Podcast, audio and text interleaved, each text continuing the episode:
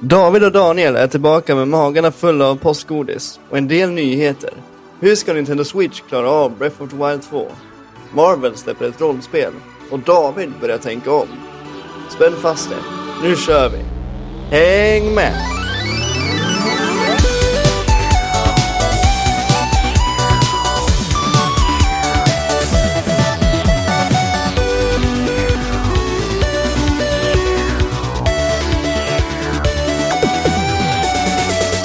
Läget allihopa? Välkommen till ännu ett avsnitt av Allt under kontroll. Podden där inget är under kontroll och era källa till nyheter, spelreviews och underhållning varje lördag. Jag är David Sjöqvist och med mig har min co-host Daniel Jesaja Sjöqvist. Och denna säsong är sponsrad av Mr P.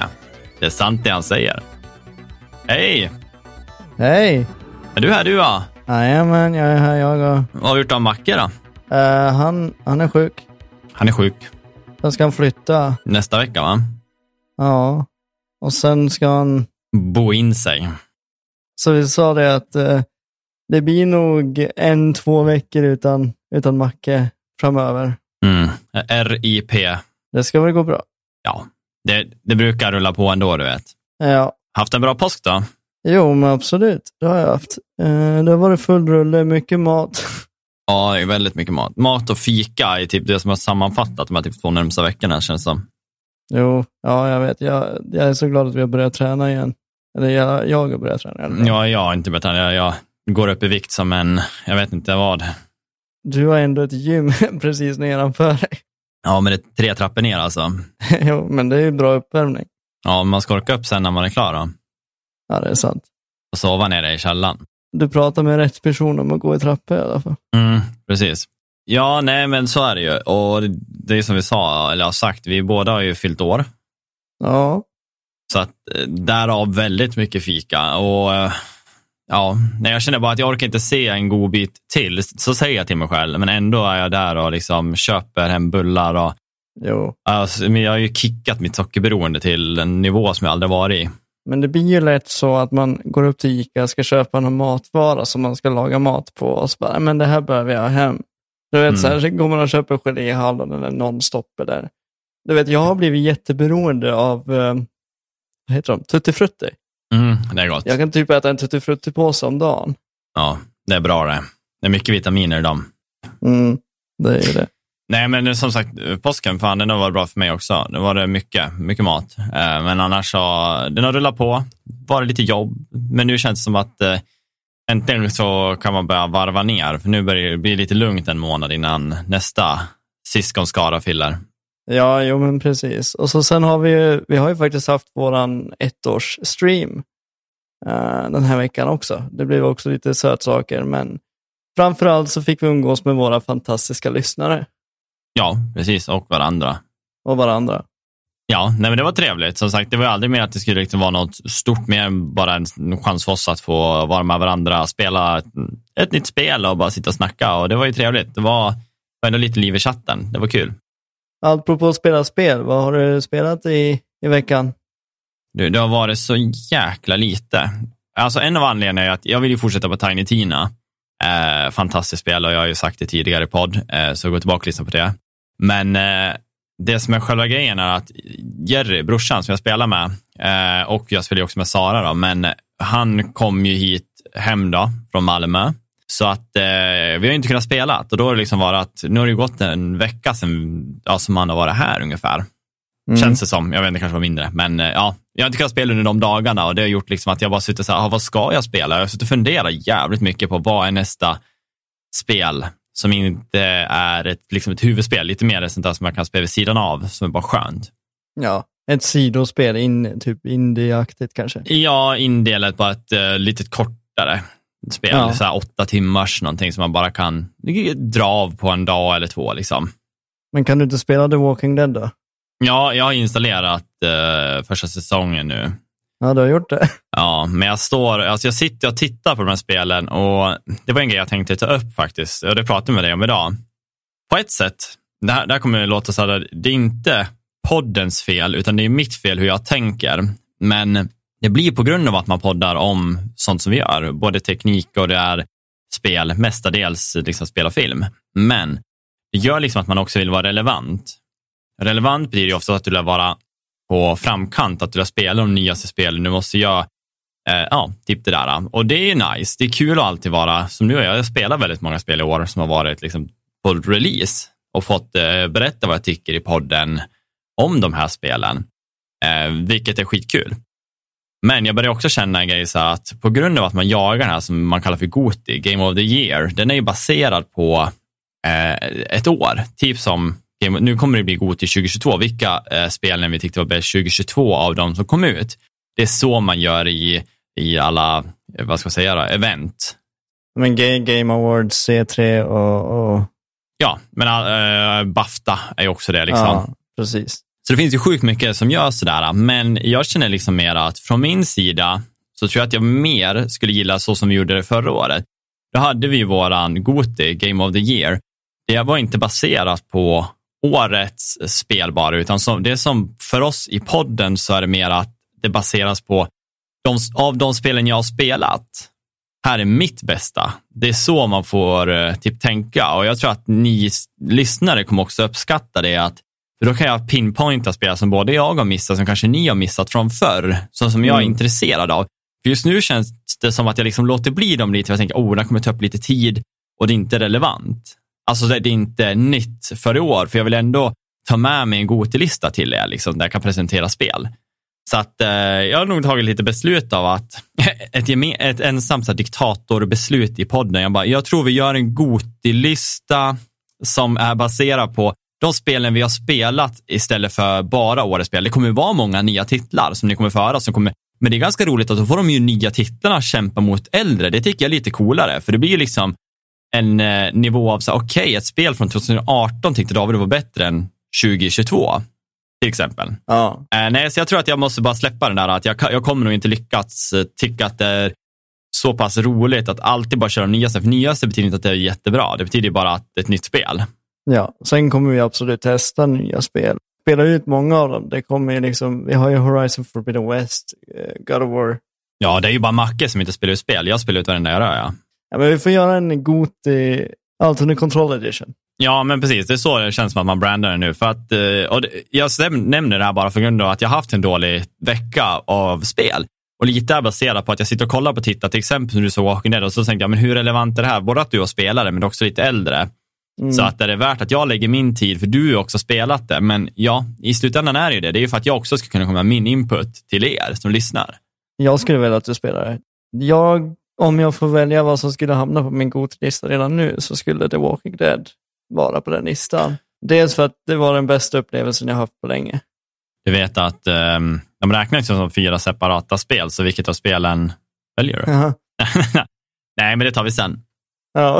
Eh, nej, men utöver att jag inte har spelat så mycket så jag har kollat på Moon Knight har jag gjort. Det är fan nästan ingen annan serie som är igång just nu som jag liksom så här, tittar på mer än de här klassiska svenska Benjamins och eh, Bäst i test. Ja, jag kollade också på Moon Knight och det släpps ju ett nytt imorgon. Vi spelar in det här på tisdag så det släpps imorgon. Mm. Men jag, ty jag, tyckte verkligen, verkligen om det här avsnittet, för det, det, känns som att man får en djupare kontakt mellan Mark och Steven och de inser någonstans att vi behöver varandra. Ja, vi båda kan liksom hjälpas åt där och bägge är fast i typ en, ja, en dålig deal kan man väl kalla det.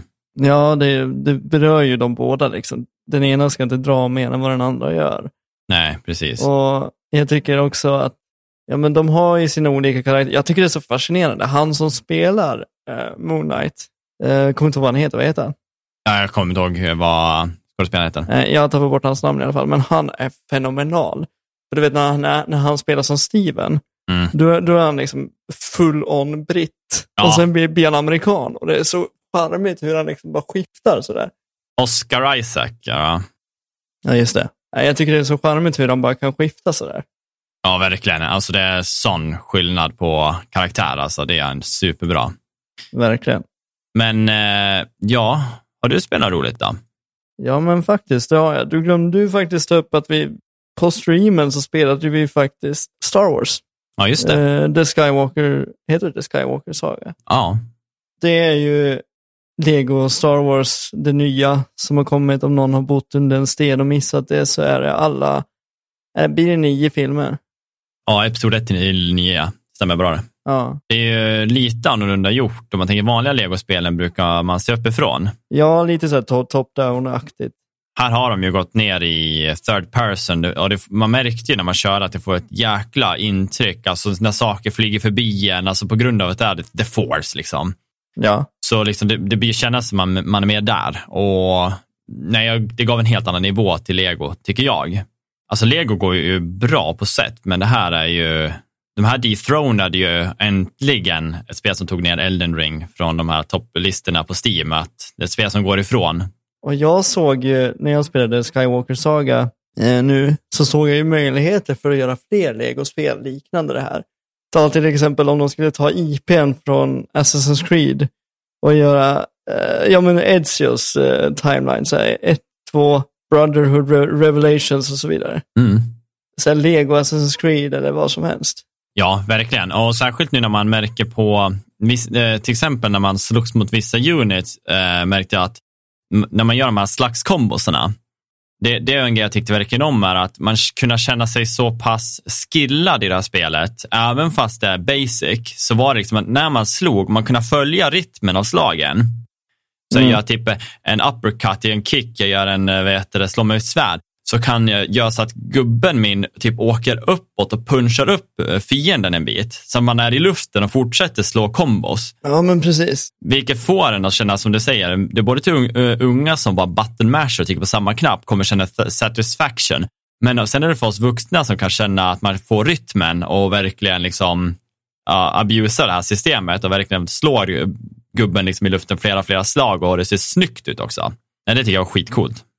Ja, ja men och sen, sen i övrigt så vi har ju haft lite kalas och lite sånt där, så att det har inte blivit så mycket mer spela än det vi gjorde på stream, för efter allting så vart man så himla trött, så man kände att man bara behövde andas ut och vila.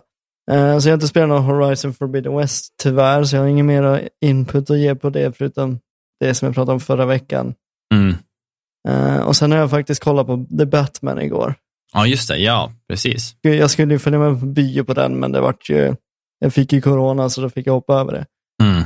Men igår, tack vare HBO Max, så fick jag min möjlighet att se den. Och jag älskar den. Det är den bästa Batman-filmen jag har sett sedan 2008s The Dark Knight faktiskt. Ja, alltså de är ju, båda ligger där för mig också. Att jag tycker om bägge på olika sätt. Men jag tycker att den här träffar ännu bättre. Det, det Dark Knight saknar, det är den här detektivbiten och det tar den här med. Så jag tycker ändå att, ska jag klassa dem, alltså om jag säger att bägge låg på 9 så hamnar den här på 9,2 då, eller 9, alltså den kommer precis ovanför på grund av den biten. För jag tycker den är så viktig i Batman. Ja, Men det är ju det som gör Batman. Batman är ju ingen, ingen övermänsklig eh, fighter som kan ta hur mycket stryk som helst. Och det, det tycker jag den här speglade ganska bra. Mm. Med Mänskligheten igen. Och samarbetet, med, istället för att han är jagad av polis och sådär, så är det liksom ett samarbete mellan dem. Ja, verkligen.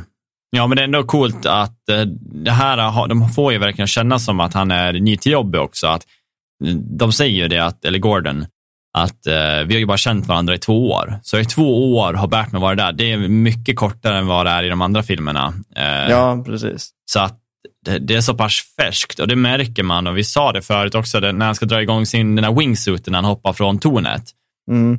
Att man ser att han stannar upp en liten sekund och andas, typ shit, jag ska hoppa från den här höjden. Att han alltså, nästan lite höjdrädd men ändå inte. Det är så här, jag har inte testat det här än, lite det. Ja, nej men precis. Men nästa, nästa gång han gör det, då kommer det liksom bara vara att han hoppar ut. Men det där var liksom så här, okej nu vill jag testa den här suiten som jag inte hunnit testat än, typ. Ja, ja det gick ju lite sådär, men det var... jag tror man aldrig har sett en Batman halta iväg sådär. Nej, fy fan vad det har gjort ont alltså. Ja, nej men så det, det var jag har gjort.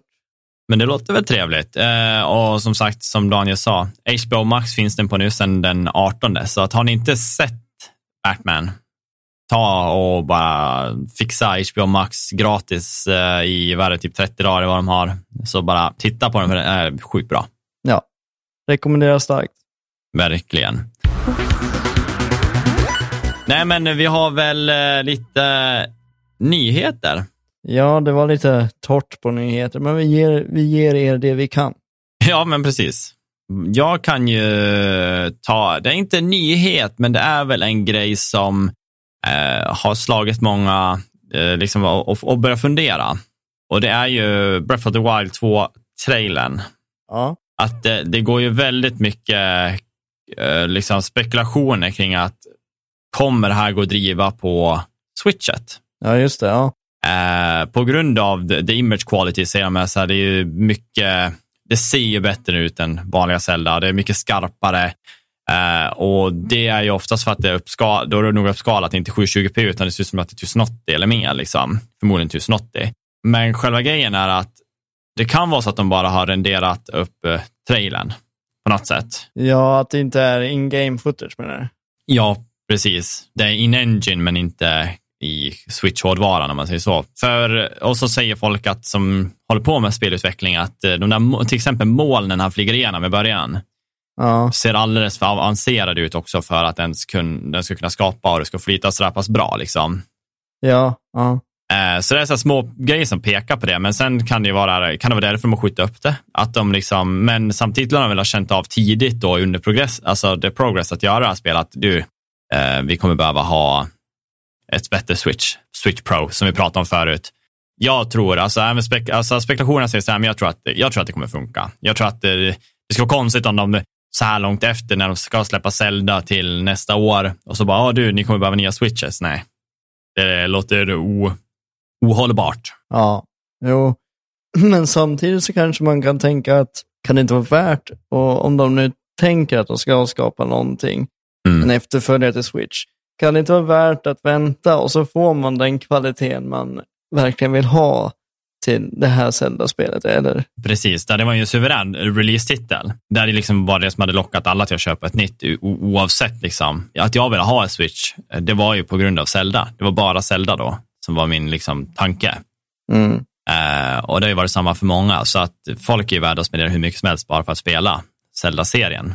Jag håller med där, liksom att varför inte bara vänta och släppa spelet till en ny hårdvara? Men i, nu som jag sa, att de sköt ju det, vad jag för mig var quarter one nästa år, så att det blir ju... Så inom de första tre månaderna nästa år? Precis, och vilket känns så här, det, det känns för dumt att det ska, skulle komma en ny konsol. Eh, så att, ja, jag hoppas bara att de har väl lyckats på något sätt optimera och det är någonting Switch förvånas med, att baserat på det de har i, så gör de väldigt bra spel som är, fungerar förvånansvärt bra för, för den konsolen. Ja, ja, det är ju faktiskt den svagaste konsolen som finns just nu i, i dagsläget, men ändå lyckas den leverera så pass bra. Ja, precis. Jag kommer inte ihåg hur många terafloppet Switch hade, om det var typ 1,2 eller 1,5. Det är, typ min, det är mindre än typ PS4. Det är två teraflopp. Ja, ja. ja när hade du något roligt då? ja, det var ju inte sån här jättenyhet, men nu går det i alla fall att få tre månader gratis Game Pass om man inte har varit Game Pass prenumerant innan så kan du få prova Game Pass i tre månader. Och vi brukar ju alltid hylla och prisa Game Pass så jag tänkte att jag passar på att nämna Game Pass i det här avsnittet nu också. Ja, precis. För er som inte har testat det tycker jag att ni kan göra det. Jag tror inte att ni kommer ångra er. Och jag tror att ni kommer se möjligheterna till att utöka ert spelbibliotek ganska markant. Ja, och så värt att nämna, vi är ju inte alls sponsrade av Game Pass eller Xbox, oavsett om vi hade velat vara det, utan det här är bara ren av välvilja till folk att eh, Alltså du får som, så många AAA-titlar, även indies-spel. Eh, det biblioteket går ju inte att liksom jämföra med någonting. Nej, och sen finns det ju det här om du inte har en top tier gaming-dator Eh, så kan du ju köra molnbaserat. Om inte jag missminner mig. Ja, precis. För Game Pass Ultimate, eh, typ 135 spänn i månaden eller vad det är. Ja. Då får du tillgång till att streama via dator, mobil, eh, you name it. Precis, och då, då tar du ju ingenting på din dators prestanda, utan då är det molnbaserat. Och du kan ju, beroende på vilken sorts internetuppkoppling du har, så kommer du nog inte ens märka någon skillnad på delay och sådana här grejer. Nej, inte om man säger har du bra uppkoppling och eh, kör med låt säga, handkontroll och spelar på ett single player-spel. Då kommer mm. du förmodligen inte kunna gnälla av att det känns konstigt. Eh, sen skulle du dock köra typ Destiny, om vi säger det då, och kör online PVP, ja, där kanske det kan börja kännas lite så här, det gör skillnad på om det kommer gå typ bra för dig liksom, i PVP. Men eh, annars så nej, jag tror att eh, du kommer få en otrolig upplevelse av bara köra via streaming. Och det är inte så farligt dit med 135 kronor i månaden. Det är ju typ, vad tar Netflix nu? Typ 150 om man kör familje... Ja, de har ju ökat, de har ju ökat väldigt många prenumerationstjänster nu. Mm. Det blir inte så mycket dyrare än vad du egentligen skulle betala för någonting annat istället. Nej, bara att du har ett spelbibliotek istället. Och spel är relativt dyra och det som är bra med Game Pass, som vi alltid säger, alltså det är de här de har väldigt många deals, både att de, de egna titlar kommer day one, så att uh, när de har releasen så kommer de också ut på Game Pass, vilket är otroligt stort och otroligt roligt. Och, men sen också att höra att de slår deals med många andra sidoföretag och ger oss titlar. Var det några nya titlar som kom ut i, nu till veckan som är värda att nämna bara? Jag tror du nämnde dem i förra poddavsnittet, gjorde du inte det? Jo, jag sa två stycken att längta lite till och det var ju tankespelet tänkte jag säga, när man får lite val och uh, sträng... Jag vet det. Jag kommer inte ihåg vad du, vad du sa. Uh, ja, men det är du vill spela. Du har spelat ettan och tvåan. Jaha, uh, Life is Strange ja. Jag tänkte säga Stranger Things. Precis, True Colors. Ja. Och sen kom ju svensk tillverkade Lost in Random, ja precis. Så det pratar jag också lite om. Det är som lite Alice i Underlandet möter Tim Burton i någon jävla role-playing game med random action äventyrsspel. Det är väldigt speciellt, men jag tror att det ska vara roligt. Så jag har laddat ner det också, så får se om man sätter sig in i det. Mm. Kul. Men annars så har vi ju, de uh, har ju delayat uh, CD Projekt Red, nya New Gen version av Witcher 3. Ja, jag såg det. Ja, postpone quarter two-releasen till further notice, så det finns ju inget datum. Det här är ju framskjutet tills, ja, tills vidare helt enkelt. Eh, och det är ju ett stort beslut, ja, kanske. Alltså, de vill ju fokusera på att få Cyberpunk, det kommer ju expansioner och sånt till det och att lösa också den sista biten av att få första liksom, huvudspelet att vara komplett. Då satt jag liksom och tänkte lite på, jag tänkte på sälja siff siffror, liksom, hur värt är det att lägga krid på Cyberpunk om man tänker att Witcher i sig är så pass stort och så många tycker om det. Liksom. Då kollade jag liksom med Cyberpunk i sig har sålt, tror det var typ 18 miljoner titlar Uh, och uh, Witcher 3, det kom ut mycket tidigare, det kom ut 2015 någonting. Men jag tror de har sålt, om det är 40 miljoner titlar på bara The Wild Hunt då, och sen har de ju sina expansioner, så då är det kanske typ runt 60 miljoner. Ja. Uh, men över det senaste året så har de sålt ungefär 10 miljoner kopior sedan 2021 av Wild Hunt. Det är ganska skapligt ändå. Det är liksom förra året, det här spelet som släpptes 2015 och det sålde förra året så många. Det är så många spel som kämpar över att komma över den där 10 miljoner strecket och de bara... Men så kollar man på Cyberpunk som gjorde en jättebra start med, tror det var typ 13,7 miljoner kopior första året. Det var mm. jättebra, men det var ju 2020. 2021, förra året, då sålde de bara 5 miljoner kopior. Ja. De är uppe i 18 miljoner, det är ju suveränt. Alltså det är ju jätte, alltså det är ju många som vill ha de siffrorna. Om man kollar så här företagsmässigt så är det, så det är fantastiskt. Att säga så här, vi har sålt 18 miljoner kopior av ett spel, men kollar man kontra liksom serier så det är nog, det är ju fler som tycker om den här fantasy, alltså när det är lite medieval, tillbaka i tiden, mm. än att ha den här sci-fi eh, ja, modellen. Precis. Så att jag vet inte hur värt det är att postpona. Nu är det ju dock bara en Next Gen release, men det är så pass många som har PS5 och Serie X nu. Så att jag tror många som har kört Witch en gång och skulle få upp pottot skulle köpa det igen. Så att eh, jag vet inte, liksom om man säger till sälja siffrorna, hur mycket mer, eh, liksom hur mycket kommer 2077 kunna liksom ge dem kontra Witcher? För nu kommer snart eh, väl en till Witcher-säsong. Ja, den är, den, är, den är ju på, den, de håller på att spela in den nu. Mm, så förmodligen kanske i slutet av det här året. Eller början på nästa. Ja, precis. Och då liksom kommer ju den här grejen igen, för att varje gång de släpper en säsong Witcher så antar jag att deras säljarsiffror bara wow, för folk bara fan vad sugen jag är på att spela Witcher. Eller jag har aldrig spelat Witcher, nu vill jag spela det. Men så kände jag också att när jag kollar på serien så vill jag spela Witcher, så jag köpte ju det till, till Xboxet för 80 kronor. Mm. Men det är ju inte, det är inte Next Gen-versionen, utan det är ju Xbox One-versionen. Men redan den ser ju så sjukt bra ut. Ja, verkligen. Nej, men jag, på tal om det vi pratade om tidigare med spel som jag vill spela som jag inte har känt att jag kunnat gjort på grund av att jag känner att jag vill bara spela nya. Eh, så ska jag nu faktiskt ta spela igenom Witcher för att jag tycker det är så pass fränvärd och jag älskar serien. Trean då? Eller? Ja, precis. Många säger att man inte börjar spela ettan och tvåan för att eh, trean, den har ju visst The Witcher, men samtidigt så gör det inte så mycket att inte spela tidigare.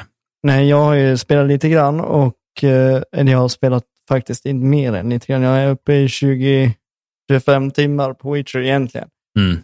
Och man får ju flashbacks titt som tätt som förklarar vad är det som har hänt, vad är det, vad är, varför är du här och sådär. Ja, Eh, ja nej, men det var väl det. Men som sagt, jag har lite så funderingar kring det där med om det är värt för CD Projekt Red att verkligen fortsätta med 2077 på det sättet de gör, vilket det känns som att det här kan vara någonting som kommer ta dem ner i graven för, på grund av att förmodligen utmattning hos personal. Liksom att försöka både fixa, det är inte jätteroligt att hålla på och fixa buggar. Jag antar att folk hellre skapar nytt. För jag menar att man vill vara nytänkande och Ja, men jag tänker ju också att uh, Cyberpunk har ju redan fått sin stämpel som ett lyckat, misslyckat spel. Om man, eller misslyckat, lyckat, eller vad man, hur man nu ska vända på det. ja. Så, att, så att det, jag tror inte att deras, oavsett vad de gör, så kommer det har den stämpeln och förmodligen inte kunna återupplivas på samma sätt. Nej, precis. Och det, jag, jag tänker mig liksom att de, de, de kommer inte få så bra liksom, endgame-resultat för att expansionen kommer bara vara något fantastiskt. Eh, som också ska kunna få, om vi säger att det kommer en expansion nu då, bara tar, eh, bara rent i, ja, vi låter det vara i fantasin att det här har varit bra. Mm. Fortfarande kommer jag då som person som inte har spelat 2077 behöva köra igenom första spelet och då, då, då lär de ju ha fixat det också. Alltså, Precis. för att expansionen ska man, för man ska komma till den antar jag att man har spelat igenom vanliga spelet först. Ja, jo, men det, det är väl inte mer än rimligt att det ska Nej. vara så. Nej. Ja, har du några mer eller? Ja, jag har faktiskt en av de, en de roligare som jag hittade. Mm. Och jag eh, fick en notis på min telefon tidigare idag att Marvel har annonsat ett eh, Tabletop RPG. Oj. Det heter alltså Marvel Multiverse Role Playing Game. Det är ju som Dungeons and Dragons, du har en, en story, en regelbok. Mm. Du har dina tre tärningar. Den här boken som, som man får med, storytelling-boken, den har ju flera olika scenarion i sig som du kan välja att spela efter. Det finns också färdiga kort med färdiga superhjältar, typ de största om du tänker Spiderman, Captain America Mm. eh, och eh, Captain Marvel och, och Iron Man och de här. Mm. Eh, Men det finns också att du kan skapa din egen hjälte utifrån de här superkrafterna som finns på kortet. Vad du tror att du behöver till just den här specifika storyn. Cool. Så är man insatt i RPG-spel eh, så, kan du ju, så kan du skapa din egen, men är du nybörjare så kan du ju ta ett av korten som redan fungerar Mm. och, och utgå därifrån. Då. Det som skiljer det här spelet jämfört med andra, det är att det, det här är ju liksom, de vill ta kärnan ur ett Marvel-universum eh, och liksom, ja men att du ska få känna dig som superhjälten, att du ska få känna att det här är ditt äventyr. Mm. Dina beslut har konsekvenser och så vidare. Mm. Och jag, jag eh, har ju länge pratat om att jag vill testa Dungeons and Dragons men aldrig riktigt satt mig in i det eller ens förstått hur man ska tänka. Och jag känner att det här skulle vara en möjlighet för mig att få en liten så här um, försmak för vad Dungeons and Dragons innebär. För Ja. det är ju exakt samma princip. Bara att du byter ut drakar och demoner mot ett helt Marvel-universum som, som är ditt. Så du, du, kommer få, du, du kommer få en starterbok med, eh, som sagt, olika scenarion, olika historier Ja. som du följer. Och som på alla rollspel så har ju dina tärningskast ehm, konsekvenser. Det kan vara bra och dåliga kast. Får en sexa så, är det, så eh, kommer någonting skitbra hända dig. Får du en dubbel sexa så kommer någonting helt fantastiskt hända. Det är så här han beskriver det, skaparen. Mm. de har ju också kommit på ett system som heter 616. Och det är alltså, får en sexa, en etta och en sexa. Han, han säger inte så mycket egentligen. Han säger bara att då får du den ultimata kraften, typ som en ulti. Ah, Okej, okay, ja. Så det, den här 616 eh, attacken finns inte i något annat roleplayer-spel. Men det är just om du får en sexa, etta, sexa. Kort sagt, de ska göra ett RPG-spel med Marvel Universe, obekräftat releasedatum än så länge. Men det låter nice. Lite så här uh, simplare Dungeons and Dragons vibe i superhero style. Liksom. Ja, men jag tror att eh, det kanske inte är så simpelt, men här får du ju en färdig bok med en färdig story. Det finns ju också i Dungeons and Dragons att du kan gå in på en hobbybutik och, och köpa en story. Ja, men de är ju oftast väldigt djupa de där Dungeons and Dragons. Alltså ja. förstå sig på konceptet är ganska djupt. Ja, men du kan ju också skapa din egen story i det spelet också. Mm. I Dungeons and Dragons.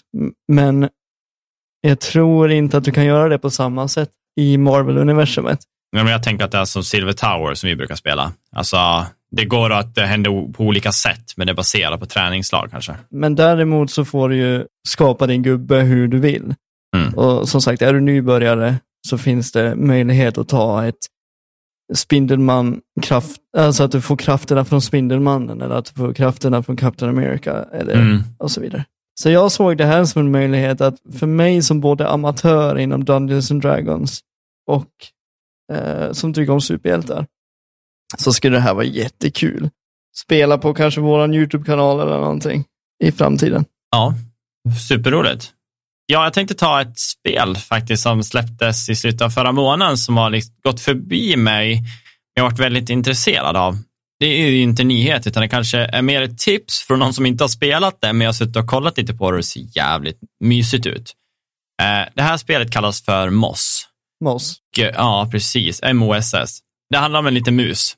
Grejen är att det här spelet är i VR, Playstation VR och det finns också till eh, Oculus eh, Quest, tror jag, gamla modellen då, så Moss 1, första spelet som kom ut 2018 någonting. Eh, det finns till alla. Det här tror jag bara är Playstation exklusivt, Moss 2. Det som är coolt med det här spelet är att det är inte du som är musen. Du är Gud, kan man säga. Du, är, du ser allt som händer i den här spelvärlden som Gud. Du är uppe och ser den här musen röra sig i en värld som är väldigt lik det här med Unravel-känslan av att eh, den här musen är liten och världen är stor. Så att den rör sig i eh, biomes som är verkliga, så att den är väldigt liten. Men det finns också rum och sånt där, där det är andra möss som sitter, alltså de sitter och läser böcker. Alltså det är en liten värld i en stor värld. Och känslan var, när man kollar på det ser så fint ut att få se det här äh, som ett äh, upplagt, liksom, vad ska man säga, som när man spelar äh, Take Warhammer på när vår kusin, hans bord som han har liksom byggt upp med en värld. Du får liksom se det framför dig och du får hjälpa den här musen då som slåss med, jag tror den har svärd och allting och liksom battlar fiender. Men du kommer alltid vara en hjälpande hand och ibland när du liksom inte kanske vet hur du ska göra någonting, då, då ser du han står och hoppar och pekar åt dig, typ här, gör det här. Och det är så roligt för att han integrerar ju med dig. Och du är ja. här uppe, så det visar att som en liten minivärld på något sätt. Jag tyckte det såg så jävla mysigt ut. Hade jag haft ett VR, hade jag köpt det första spelet och sen spelar andra, för det här såg roligt ut. Det är som co-op fast för en. alltså, du jag menar?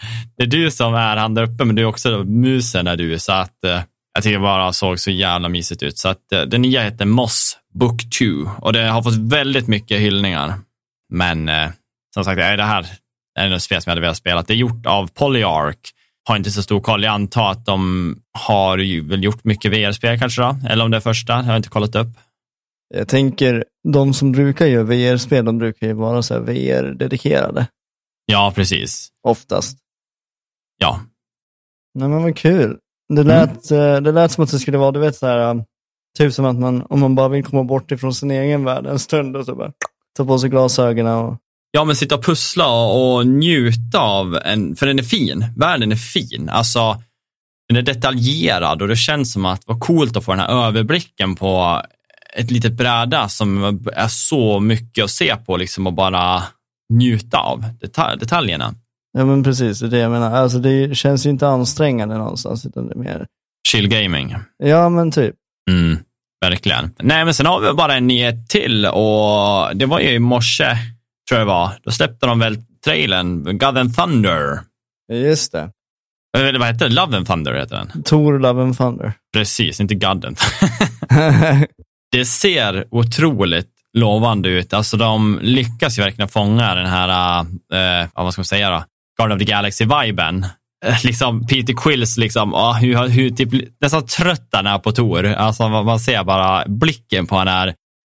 Uh. Det är ju den här, det såg man ju redan i, eh, är det Infinity War de träffas första gången? Ja, det gör han väl också. Mm. Och så är det den här när han åker när, när, när de hittar Tor ute i rymden så tar de in honom i skeppet. Direkt så blir den här machokulturen att jag har mer muskler, jag har sexigare röst, jag har, du vet så här. Det är underbart. Men jag fick lite så här, du vet, ehm, både på, om man tittar på texten och hur den ser ut, hur typografin är och sådär, designen. Mm. Så känn också hur musiken kommer med Sweet Child of Mine, och ja. allt, allting runt om. Det känns väldigt så här 80, 80-tal, hela trailern. Ja, verkligen.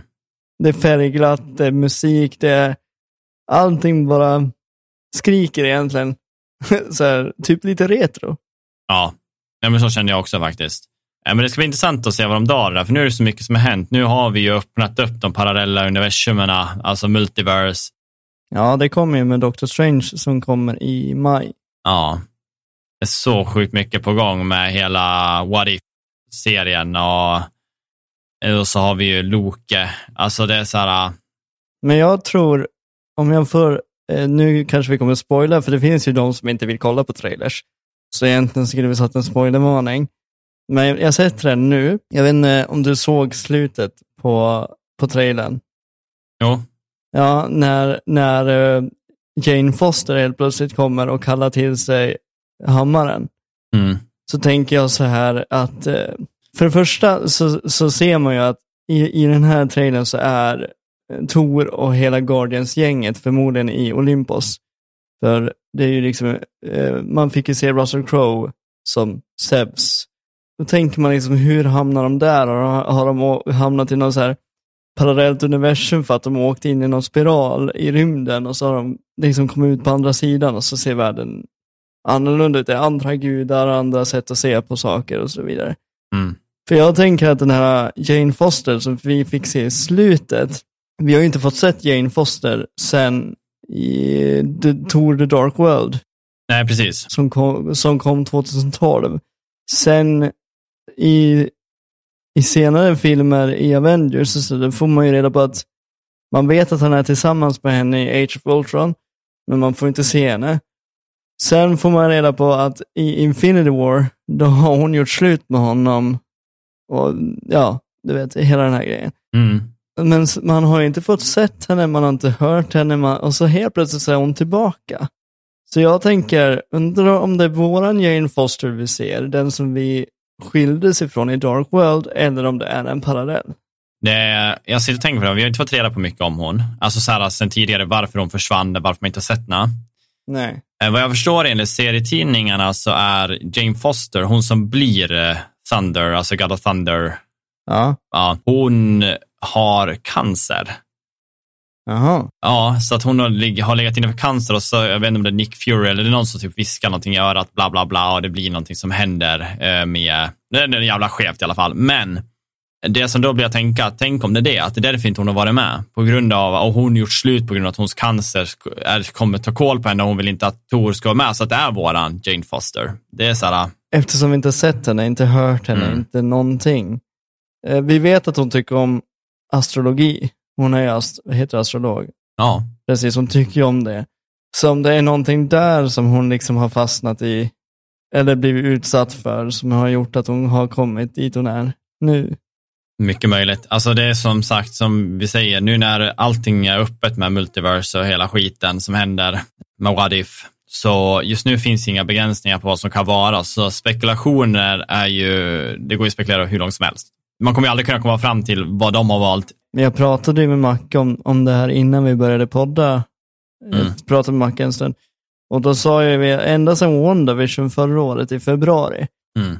WandaVision pekade ju på att det går att skapa en parallell ver- verklighet som folk helt enkelt köper och bor i. Mm. Eh, inga frågor ställs, ingenting. Sen har vi Loke som är, eh, ja, Loke. Och så sen hade vi ju, att de blandade in Spiderman och nu Doctor Strange. Så hela den här, hela den här grejen har ju byggt upp för att visa att universumerna kan gå ihop på ett bra sätt. Mm. Det, är, det är liksom inget konstigt med det. Nej, nej. Nej, men det kommer bli coolt. Det ser ut som det kommer vara en jävla banger-hit. Liksom. Och just musiken fångar ju en att det här kommer vara en feel film Kanske slåss lite mot uh, ja, grekiska gudarna då. Ja, förmodligen. Jag har ingen aning vad det kommer handla om. Alltså, mer än att, varför är Zeus där? Alltså, vad har det med saken att göra? Kommer de hjälpa eller kommer det bli strid mot uh, asatronerna? Ja, men typ. Men eh, spä spännande kommer det bli. Så, stod det något datum? Jag kommer inte ihåg. Eh, ju, jag tror det stod juli bara. Juli 2022. Ja, det är så pass nära. Eller stod det, ju, eller juni? Men det, här- är i år alltså? Eh, jag tror det. Ja, nice. De får rätta mig om jag har fel, men jag har för mig att det stod antingen juni eller juli. Nu ska vi se, ska vi få ett datum här? Um, Thunder. 8 juli 2022. Ja, Det är snart det. Ja, fan vad nice. Men det var väl det. Ett litet kortare avsnitt tänkte jag säga, men det vart ändå relativt långt.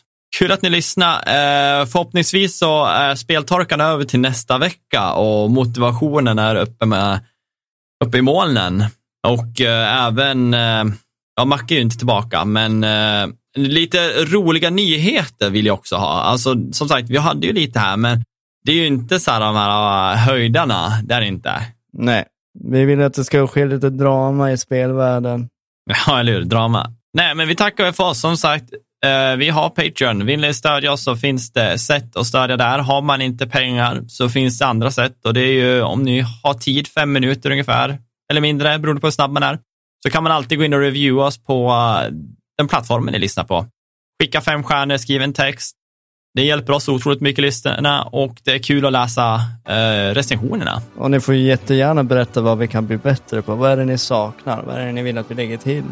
Absolut. Kritik är bra på alla sätt. Ja, Men eh, vi ses nästa vecka. det gör vi. Ha det bäst! Ha det bra. Hej då.